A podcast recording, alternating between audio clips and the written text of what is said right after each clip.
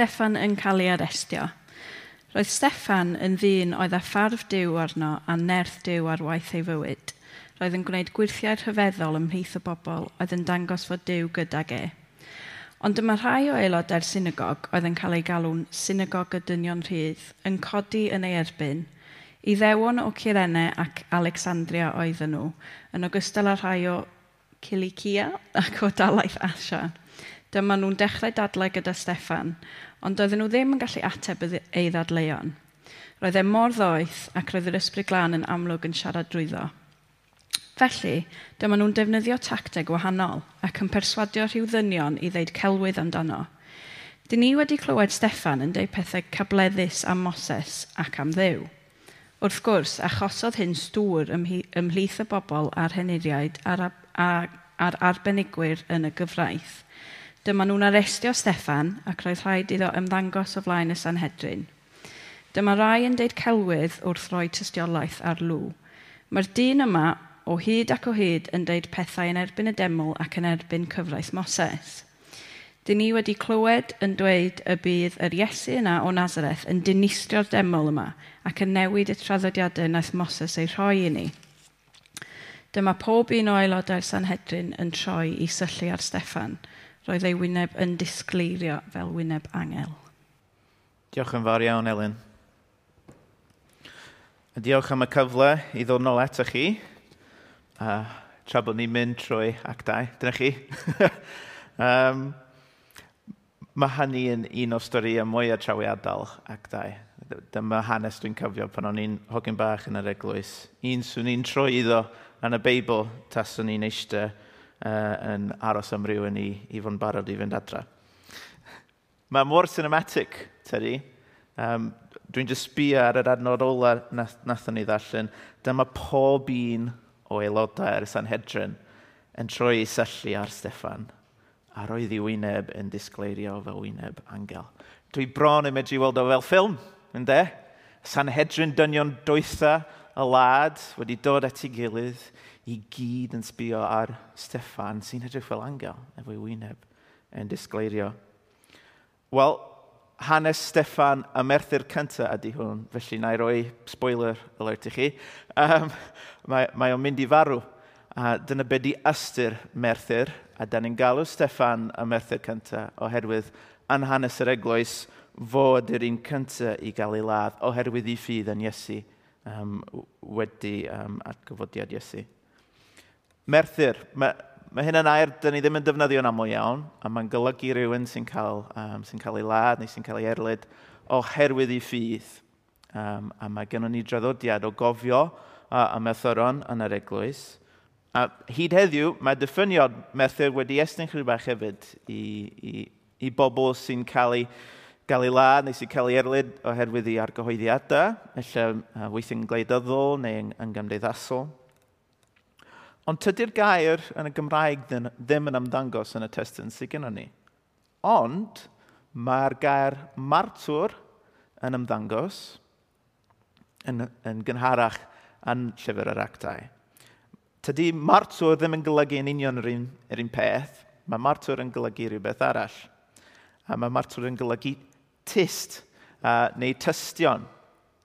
Rhywun sy'n gweld rhywbeth, sy'n gweld rhyw ddigwyddiad, a sy'n medru rhoi gwybodaeth amdano.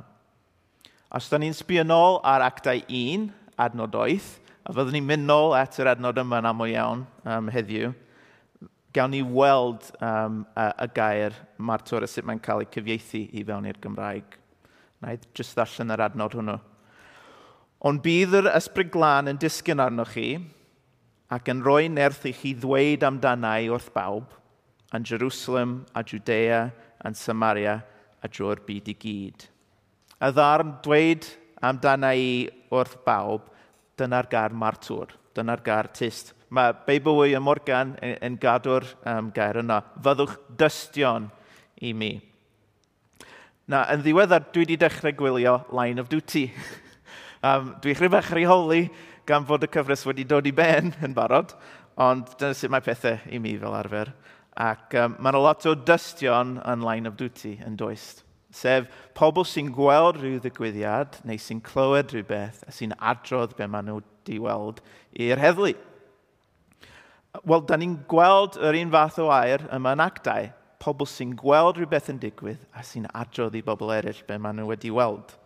Ond ystyr positif uh, sy'n gan y gair yma yn actau, achos da ni'n sôn am pobl sy'n sy'n testio pobl sydd wedi weld bywyd Iesu, marolaeth Iesu a adgyfodiad Iesu sydd wedi gweld cyrheiddiad, Mae yna ma heddlu hwan, does?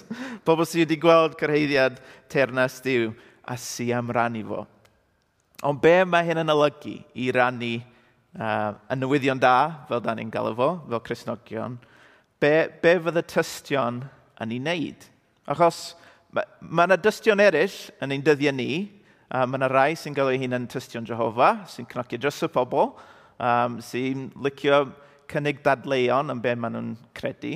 Ac er bod yna le i ni um, cael sgwrsio efo pobl, dadle hi noed efo pobl, a er bod yna le i ni ymweld y pobl, mae mwy na jyst digwyddiad bore di sadwr. De. Dyna pryd maen nhw'n tueddu dod i lan llyfni, o leia. O, wel, cyn y pandemig. Um, mae, mae bod yn dyst yn, yn rhywbeth sy'n rhan o'n, o'n bywyd ni trwy'r amser. Mae Steffan i hun yn esiampl da o be mae'n olygu fod yn dyst yn dydy. Os da ni'n cofio o be na thrys roi ni os ystwetha, Steffan oedd un o'r saith uh, gath i, i penodi i, i ddosbarthu bwyd i bobl mewn angen ac i, hynna, fatha gweithredoedd da sy'n dangos pwy ydy Dyw, mae hyn yn rhan o fwndist, tydi. Ond yn y testyn, da ni newydd clywed, da ni'n gweld Steffan yn rannu am gariad Dyw a cynllun Dyw dros bobl y byd. Ac mae hynny yn rhan allweddol o fwndist hefyd, tydi, i sôn am y newyddion da. Felly mae, mae tystion i Iesu, bobl sy'n cynrychiol i Iesu ym mhob maes o o'i bywyd nhw. A dyna pwy da ni fel Cresnogion. Dyna be mae'n olygu i fod yn Cresnogion. I derbyn maddeiant a gras diw, i fyw fel plant diw ac i cynrychiol Iesu yn ein byd ni. Ond yn ein stori ni, mae yna dystion ffug hefyd yn does. Dystion ffug sy'n dod â clwydda am Steffan um, at y Sanhedrin. Ac mae Steffan yn cael ei lusgo o flaen y Sanhedrin – ac mae pawb yn sbio arno fo yn y fo mandola, nath ni ddallen, ac mae Steffan arfyn siarad. A mae'n siarad yn hir. be, ma, be sydd gan Steffan i ddweud, mae hyn yn cymryd rhan fwy o penod 7, 53 o adnodau. Da ni ddim yn mynd i ddarllen o i gyd. Dwi'n mynd i trio cwblhau be mae o'n deud yn sydyn iawn. Mae Steffan yn rannu stori efo'r Sanhedrin. A'r stori sydd gan Steffan i ddweud yw stori pobl Israel stori pobl Steffan ydy o. Mae Steffan yn sôn am sut oedd Dyw wedi datgelu ei hun i Abraham ac undeidiau Israel, sut oedd Dyw yn cynnig perthynas efo pobl Israel, cyfamod efo pobl Israel, dyna gair arall da ni'n defnyddio, ond sut nath pobl Israel wrthod tro ar ôl tro i rando ar ddiw. Pan ti'n meddwl amdano fo, Oedd Steffan yn siarad efo pobl ddyla nabod stori diw ora, stori Israel ora. Ond, oedden nhw'n ddall. Mae gennym ni storia e i rannu hefyd. Fel Cresnogion, mae stori Israel, wel, efallai ddylwn ni ddeud, mae'n stori a ni yn rhan o stori Israel, yn, yn rhan o stori fawr Dyw, am sut mae Dyw uh, yn, yn datrys problem pechod yn y byd – ac i'n derbyn ni nôl mewn perthynas efo fo. Mae gennym ni'r Hen Testament, mae gennym ni'r Efangela efo stori Iesu a storiau'r Testament Newydd hefyd. A mae yna le i'r storiau yma i gyd yn ein bywyd ni heddiw. Um, Mae'r storiau yma yn ein hanog ni, maen nhw'n cysuro ni, maen nhw'n aheirio ni hefyd. A mae, dyna sut mae Dyw yn dod â bywyd i mewn i'n bywyd yn ni, trwy'r storiau yma. Maen nhw'n storiau pwysig i rannu efo pobl eraill hefyd. Maen, maen nhw'n ffyr, mae, mae Dyw yn siarad efo pobl eraill dyddi yma, trwyddyn ni. Ond hefyd, um, yn ogystal â storiau'r Beibl, mae gennym ni storiau personol. Achos tydi Dyw ddim di stopio gweithio, mae Dyw yn dal ar waith heddiw, anddym ni. Mae Dyw yn dal yn ein galw ni yn ôl eto fo. Dwi'n licio stori y dyn dall yn nath Iesu i achau. Roedd yna dipyn ohonyn nhw yn yr efengela, ond dwi'n meddwl am yr un lle nath Dyw, nath Iesu iachau y dyn dall, a wedyn gath y dyn dall, dwi ddim yn dall dim mwy, gath o'i lusgo o flaen uh, a phariseiaid, oedden nhw'n croes holi fo, oedden nhw'n cwestiynu fo, sut nath hyn ddigwydd go iawn. Da ni'n meddwl mae Iesu oedd o, achos da ni'n gwybod mae pechadur ydi o. Ac ar ôl y cwestiynau hynna i gyd, oedd y dyn wedi ymateb, Ali, dwi'n hollw sicr o un peth. Roeddwn i'n ddall a bellach dwi'n gallu gweld. Fel Cresnogion, fel pobl sydd wedi derbyn meddeiant Dyw, mae gennym ni Mae gennym ni'r un tystiolaeth, mae gennym ni'r un peth i wrannu. Ar un adeg oeddwn ni ar goll, ond bellach mae Dyw wedi'n ffeindio ni. Dyna stori sydd gennym ni i wrannu. A mae'n wahanol. mae stori yn newid o berson i berson tydi. Mae, mae gennym ni fanylion um, i wrannu sy'n dod ein stori ni i, i fyw. Mae yna rhywbeth, um, mae yna rhyw um, awdor dwi'n licio sydd wedi deud rhywbeth am, am pa mor pwysig mae manylion. A dwi'n mynd cofio sut mae'n... Na i ddim cyfieithu fo i fewn i'r Gymraeg, na i ddeud o'n Saesneg. Um, os dwi'n cofio fo wwan, Dwi'n dechrau'n afiad, dwi'n yma. Uh, mae'n siŵr bod y milion deud o adra, achos mae'n licio fe. Specificity, na ni. Specificity is the soul of narrative. Right? Be sy'n dod ar stori i fyw i lot o bobl i'r manylion bach. Felly, pan da chi'n meddwl am y stori hi, paid y cyfru pethau fel, fel, fel bod nhw ddim yn bwysig. Cofiwch bod nhw'n nhw bwysig iawn, sut mae Dyw wedi bod ar waith yn eich bywydau chi. Ond, mae hyn dal i ddigwydd. De? Da ni ddim yn sôn am stori am sut nath ni ddod i Gristion. Dim just heini, ond sut mae Dyw ar waith yn ein bywyd yn ni wwan. Ynde? Mae rhywbeth sy'n bwysig iawn i'n grwpiau cymuned yw cychwyn y sgwrs efo sôn am be da ni'n ddiolchgar amdano. Sef sut mae Dyw ar waith yn ein bywyd yn ni rwan.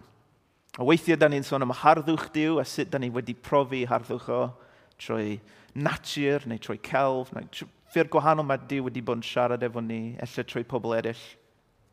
Weithiau, da ni'n sôn am ffyddlondeb Dyw, sut da ni'n profi i bresenoldeb, um, hyd yn oed mewn sefyllfoedd anodd. A, a weithiau, da ni'n sôn am drigaredd Dyw, sut mae o wedi iechau ni, neu, neu sut mae o wedi datrys broblem dros ym ni. Mae yna lot o stori, storiau yn ein bywyd yn ni ond rhaid i ni adlywyrchu chyd bach. De? Rhaid ni feddwl, rhaid ni cymryd amser diwedd y diwrnod a meddwl, lle oedd Dyw ar waith heddiw, de? A meddwl am sut fedrwn ni rannu hynny efo pobl eraill. Efallai bod hynny yn swnio chyd bach yn daunting. a ddylwn ni gofio y, y peth cyntaf da ni wedi clywed am Steffan, fod o wedi i lenwi efo'r ysbryd glân. Tydi Dyw ddim yn disgwyl i ni um, gwella ein hunan, fo sy'n gwella ni. Tydy Dyw ddim yn disgwyl i ni trio cyflwyno i wirionedd o i bobl eraill hebddo fo. Mae o yn ein geiriau ni, fo sydd wedi rhoi geiriau i Steffan. Dwi'n mynd i wahodd Elen i ddod nôl i ddarllen diwedd hanes Steffan. Dewch yn ôl. Yep. A, a diwedd i hanes o ydy o, ond mae'n ddechreuad hefyd um, ddechreuad bach i'r eglwys. Yna ni glywed gan Elen Iwan. na'i camu i'r ochr, dwi'n meddwl. um, iawn, so y darlleniad yma'n dod o actau saith ac yn cychwyn yn adnod 54. Steffan yn cael ei labyddio i farwolaeth. Roedd yr hyn ddwedodd Steffan wedi gwneud yr arweinwyr i ddewig yn wyllt gandryll. Dyma nhw'n troi'n fygythiol, ond roedd Steffan yn llawn o'r ysbryd, ysbryd glân ac wrth edrych i fyny, gwelodd ogoniant Dyw a Iesu'n sefyll ar ei ochr dde. Edrychwch, meddai, dwi'n gweld y nefoedd ar agor. Mae mab y dyn wedi anrhydeddu, mae'n sefyll ar ochr dde Dyw. Dyma nhw'n gwrthod gwrando ar ddim mwy a chanweiddi nerth eu pennau, dyma nhw'n rhithro ymlaen i ymosod arno. Ar ôl ei lusgo allan o'r ddinas, dyma nhw'n dechrau taflu cerig eto i'w lobyddio i farwolaeth. Roedd y rhai oedd wedi tystio neu erbyn wedi tynnu ei mentyll a'i rhoi yng ngofal dyn ifanc o'r enw Saul. Wrth iddyn nhw daflu cerig ato i'w ladd, roedd Steffan yn gweddio, arglwydd Iesu, derbyn fy ysbryd i. Yna syrthiodd ar ei luniau a gweiddi'n uchel, arglwydd paid dal nhw'n gyfrifol am y pechod yma. Ac ar ôl dweud hynny, buodd farw. Roedd Saul yno yn cytuno'n llwyr y dylai Steffan farw. O'r diwrnod hwnnw ymlaen, dechreuodd yr eglwys yn Jerusalem gael ei herlyd yn ffyrnig, a dyma pawb ond yr apostolion yn gwasgaru trwy Judea a Samaria. Cafodd Steffan ei gladdu gan ddynion diwiol fy'n galaru'n fawr ar ei ôl. Ond dyma Saul yn mynd ati i ddynistio'r eglwys. Roedd yn mynd o un tir llall ac yn arestio dynion a merched fel ei gilydd a'i rhoi yn y carchar. Felly, da ni gweld tydi pobl ddim wastad yn barod i rando ar beth sydd gyda ni i rannu. Dyn nhw ddim wastad yn barod i glywed neges diw. Weithiau mae hynny yn anodd i'w dderbyn pan da ni'n cael ein gorthod oherwydd y neges sydd gennym ni. Does neb yn licio hynna, na oes. Does neb yn licio cael um, i orthod oherwydd be, be ydy'r gwirionedd, ynde? mae yna sawl, wel, mae yna llawer o bobl ar, ar draws y byd sy'n cael eu herlyd oherwydd eu ffydd nhw.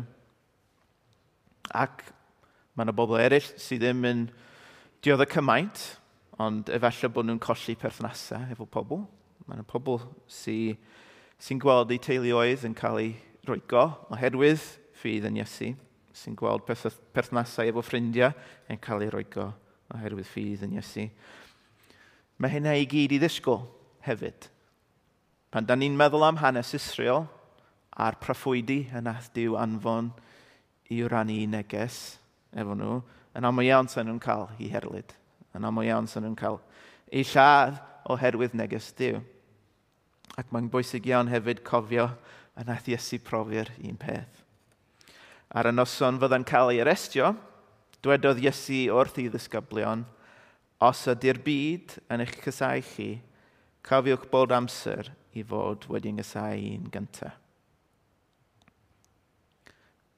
Mae hynna i gyd yn arwain fi at ddeud, tydi Dyw ddim yn addo bywyd haws i'w ddisgyblion. Tydi hynny ddim yn rhan o'r job description, nac di. Mae yna ddywediad sy'n crafu arna i chyrru bach. Um, a dywediad hwnnw yw, God won't give you more than you can handle. Um, Dwi'n gweld pam mae pobl eisiau deud hynny. Mae pobl eisiau cynnig cysur i rywun sy'n mewn sefyllfa anodd. Mae rhywun eisiau atgoffa ni bod Dyw yn cynnig bywyd go iawn. Um, atgoffa ni o gariad Dyw. Ond rhaid deud weithiau, dan hi'n profi pethau uh, anodd hyd yn oed fel Cresnogion. Fel Cresnogion, mae gennym ni frodur a chwiorydd newydd yn heili Dyw Ond weithiau, da ni'n colli'r brodyr a chwiorydd heini. Ac um, mae, mae hynny yn medru bod yn anodd iawn. Cymerwch esiampl Steffan.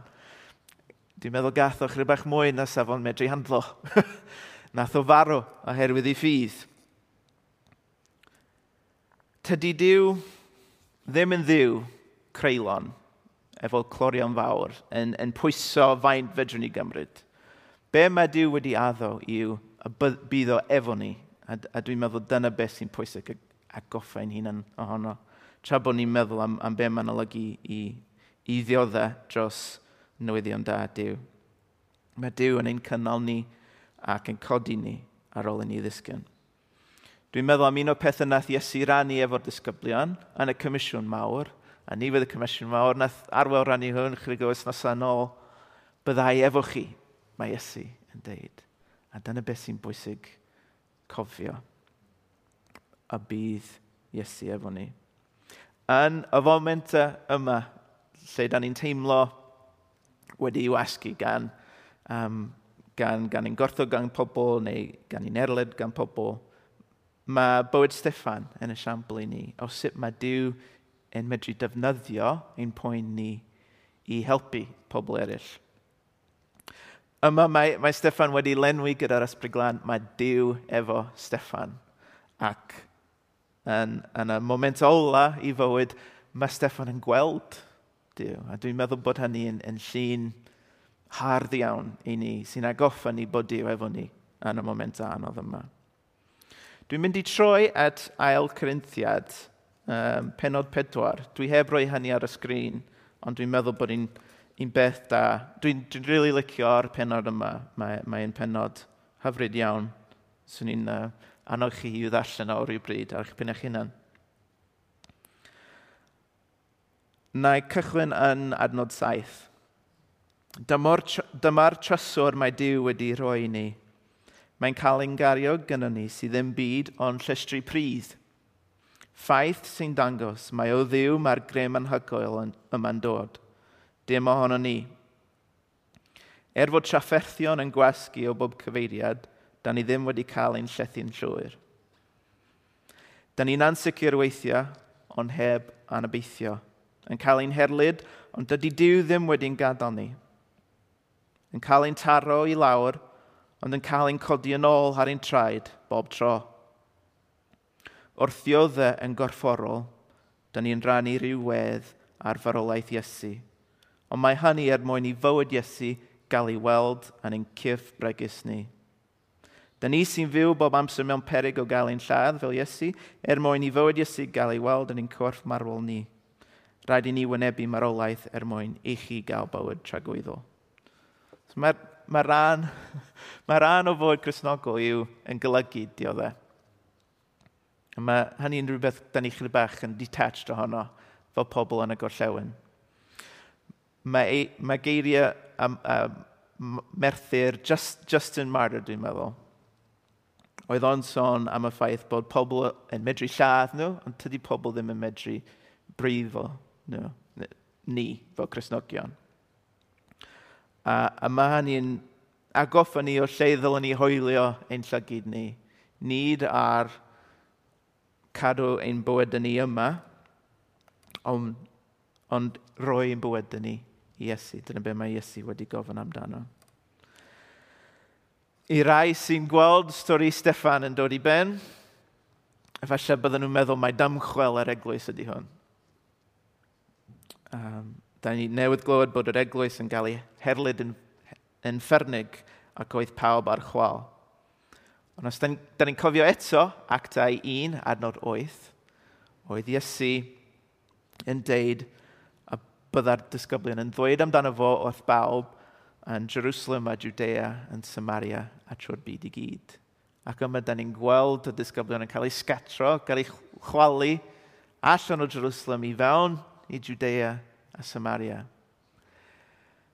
Mae cynllun diw dal ar waith. Hyd yn oed pan dawn ni'n dioddau, a mae hynny yn bwysig i ni gofio. Dwi eisiau gorffen efo llun Llun fydd yn ymddangos.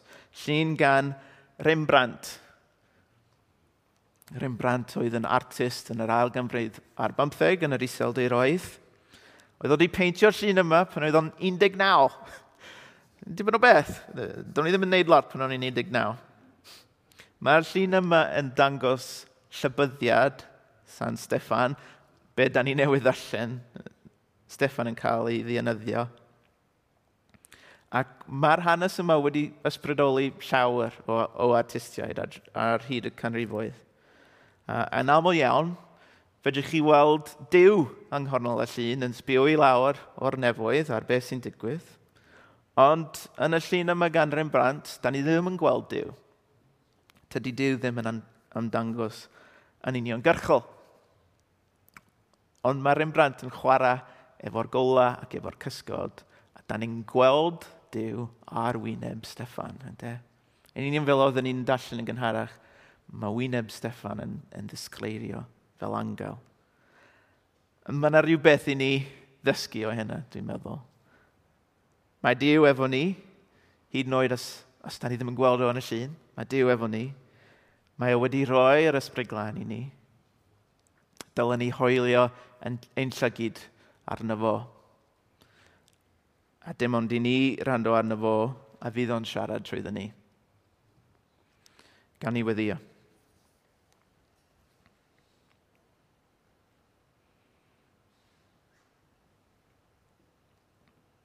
Dyw, da ni'n diolch i ti am, am sut ti'n siarad efo ni trwy dair. Da ni'n diolch i ti am, am rodd yr ysbryd glân, am y ffaith bod ti efo ni hyd yn oed pan tydi pethau ddim yn mynd fel sa'n ni'n licio iddyn nhw'n mynd. Da ni'n diolch i ti am, am fod y dernas wedi dod a fod ti wedi'n dewis ni i fod yn rhan o dy deulu di.